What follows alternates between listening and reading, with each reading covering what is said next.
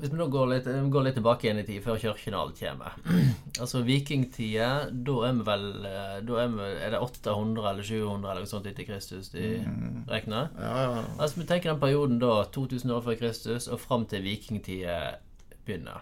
Skjer det noe spesielt da? Eller driver bøndene på her og og har det, har det greit rundt omkring på gårdene sine? Da får vi nå håpe og tro at de hadde, men eh, det skjer en, eh, en, i en periode, og det er eh, kanskje like før eller like etter starten på vår tidsregning. Eh, det som tidligst var kanskje store landnorm, som en snakker om, altså der er det, det store området som er tatt i bruk. Det som skjer rundt Kristi fødsel, altså for ca. 2000 år siden, det er at det, det som er bumønsteret, det blir på en måte mer sementert. Sånn at det vi, tenker på som gard, det er i den perioden for ca. 2000 år siden. Da er det garden blitt eh, fastere etablert. Og mer i retning til det vi kanskje mener med gard. Hva var forskjellen på gard før og gard nå, da? Er det tydelige grenser på mitt og ditt? og...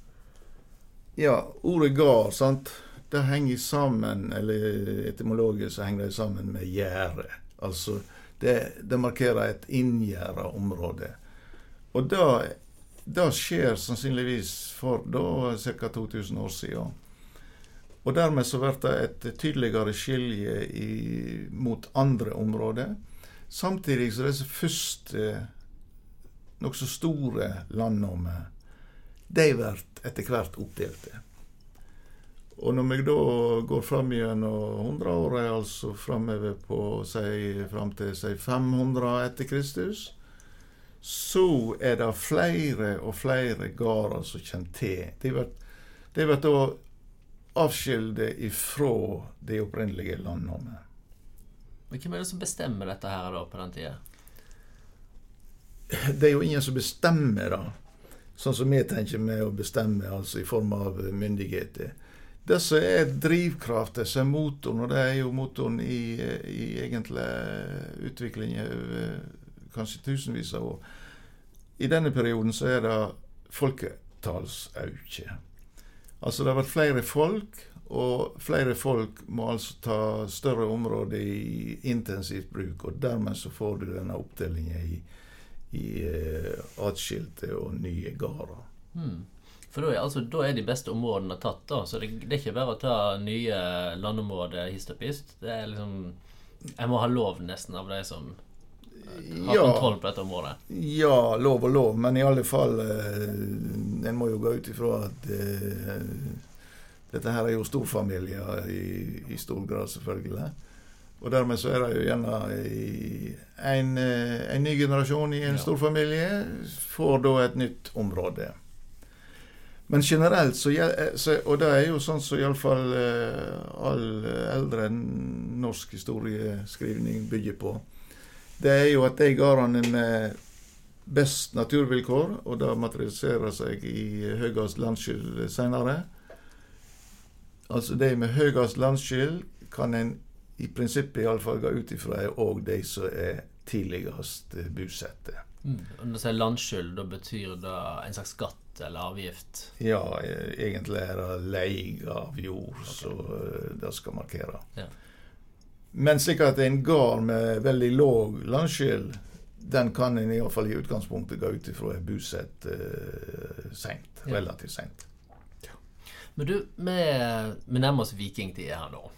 Eh, og nå vikingtid er jo eh, populært som aldri før, med, med store amerikanske eh, serier. Og Ja, men musikk. før du kommer til vikingtida, så er det en interessant ting som faktisk er verdt å, å, å nevne.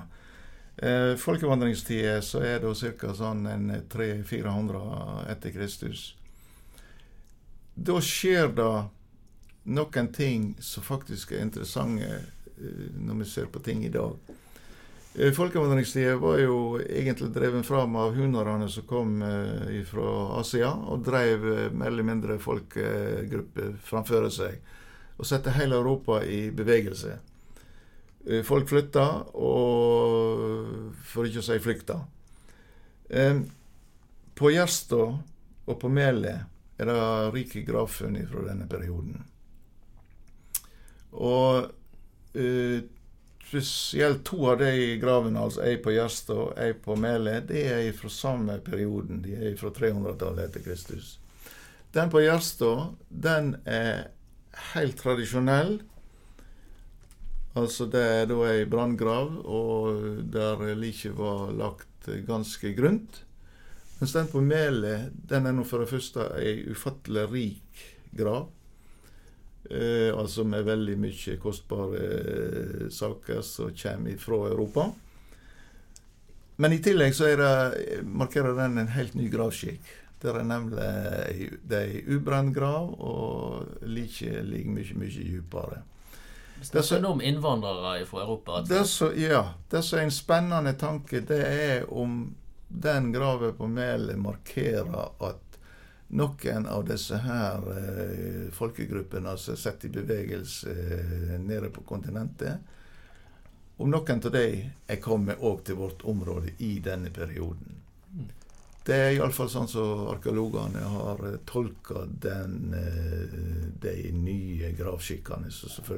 Gjerstad og Mæle er jo bare to enkle eksempel, men eh, arkeologene har jo et stort sammenlikningsmateriale. slik at der er det en spennende tanke med sideblikk til egentlig hva som har skjedd både senere og så ikke minst skjer i våre dager. Ja. Så flyktninger påstår jeg er ikke noe nytt fenomen? Kanskje ikke. Mm uten at vi sikkert vet det. ok. Du, jeg, jeg, hopper tilbake til vikingtida, som jeg prøvde å introdusere i stad. Og dette er jo en periode vi leser når vi går på barneskolen, sant? og det er store, fargerike seil, og vi reiser rundt og, og herjer hele Europa. Eh, hvis vi tar dette fra et Osterøy sitt perspektiv var, eh, det sånn det så ut eh, her? hadde vi store vikingskip og reiste på tokt til England? Det vet vi ingenting om konkret. Men vi vet at det er jo i alle fall store nausttufter. Og blant annet så ligger det jo eh, to store nausttufter innst i Lonevågen, altså i Støvikje, som de kaller det lokalt. Altså innenfor bussterminalen i dag. Og det er naust som har uh, hatt plass til så store skip at det kan uh, selvfølgelig være vikingskip. Men uh, vi vet jo selvfølgelig ikke noe mer konkret. Selvfølgelig ikke. Men hadde, altså hadde de vikingskip, eller skip til å forsvare seg med eventuelt, rundt omkring i bygdene? Ja, det er jo da de som har uh, undersøkt dette her, de har jo gissa på at, da, at det var to sånne store naustgrunner i Støvikje. At der lå kanskje et uh, skipsreiesenter. Det vil si Saken er den at eh, Lonelva den er nemlig I dette området så er det en skilje mellom Hosanger-Skipreie på nordsida. Kan ikke bare litt forklare nett hva et skipreie er for noe? Ja, et skipreie det er jo da et eh, område som var pliktig til å eh, utstyre soldater til leidangen, som det heter. Altså til da forsvaret av landet. Og um, Eh, det betydde jo da at eh, landet ble delt opp i forskjellige eh, med da forskjellige gårder som da hadde, hadde denne plikten til å utstyre soldatene. Men Var det bøndene som òg var sjøle soldatene, da? Eller var det profesjonelle? Ja, i, utgangspunktet var det jo bøndene, eller fortrinnsvis selvfølgelig der òg, så, det alltid er altså yngre, yngre menn av befolkningen da.